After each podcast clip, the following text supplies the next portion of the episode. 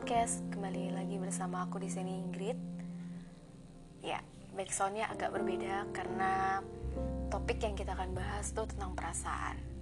Bagaimana sih kita berdamai dengan perasaan kita sendiri? Nah, episode ketiga akhirnya tayang juga karena dari kemarin pengen banget untuk take cuman ada kendala hujan, anak rewel ya, maklum ibu-ibu Omongan kita kali ini agak random, cuma randomnya ngena sedikit ya ibu-ibu tentang berdamai dengan perasaan. Pasti sih semua orang punya perasaan, entah itu perasaan tenang, perasaan sedih, perasaan kecewa, perasaan marah. Tapi mana yang lebih dominan dalam diri kita?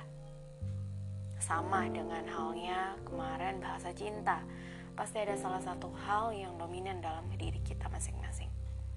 Kalau perasaan, ada orang terlihat dia ceria sekali, dia kelihatannya enak banget ya. Ayo, siapa? nah, biasanya perasaan ini tuh bagaimana sih kita bisa mengendalikannya? Terutama di era digital sekarang ya, mah Instagram, Facebook, ataupun di media sosial lain membuat status Twitter misalnya. Sering gak sih kita ngeliat ada orang-orang yang bikin status tentang kegalauan, tentang kekecewaannya mereka terhadap seseorang, kekecewaan dia akan suatu hal, atau bisa jadi ajang curhat di Instastory, Pernah gak sih kalian melihat orang-orang seperti itu? Pasti ada dan mungkin kita juga salah satu orang yang pernah seperti itu. Ya, termasuk aku. Dulu aku tuh sering banget curhat Insta Instagram, tapi kalau dulu itu kan belum ada hmm, Insta story ya, jadi melalui caption aja atau enggak dulu itu aku sering curhat di status BBM. Nah, ya maklum kalau itu sih karena masih ABG yang masih belum mengerti gitu.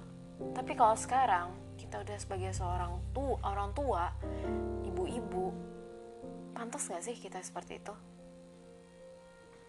Ayo aku bukannya mau ngomongin orang atau aku menggurui kamu semuanya mah Cuman sini aku akan membuka pikiran kita masing-masing tentang perasaan yang kita punya. Apakah wajar kita mengungkapkan semua isi kepala kita di media sosial? Nah, pernah nggak kita berpikir orang yang lihat status kita ini bakalan happy, bakalan mencibir, atau bahkan memberikan kita solusi? Kadang-kadang ada juga orang-orang yang kepo yang ingin tahu penjelasan lebih dalamnya lagi ingin tahu secara detail tentang hal yang kamu ceritakan di media sosial. Dan itu sama sekali nggak membantu menurutku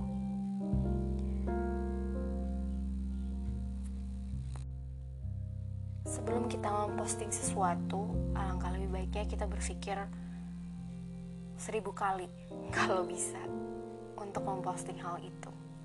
Yang pertama kita tuh harus pikirin dulu apakah memang pantas kita menceritakan itu semuanya di media sosial? Atau dengan siapa sih kita bercerita? Mungkin untuk sahabat-sahabat terdekat oke okay lah ya Cuman kalau untuk untuk halayak orang banyak apakah enak dibaca? Atau ada dampaknya nggak sih kalau kita cerita ini? Mungkin yang lihat status kita dia juga sering sering dan mungkin sedang mengalami hal-hal yang tidak enak dalam harinya. Terus melihat status kita yang seperti itu kalau aku sih ngeliat status-status seperti itu dan dalam kondisi aku yang memang lagi down, lagi banyak masalah tuh kayak menurunkan mood aku, menurunkan semangat aku gitu. Dan itu sama sekali membuat orang jadi negatif sebuah perasaan itu tuh sangat banget berpengaruh besar dalam kehidupan.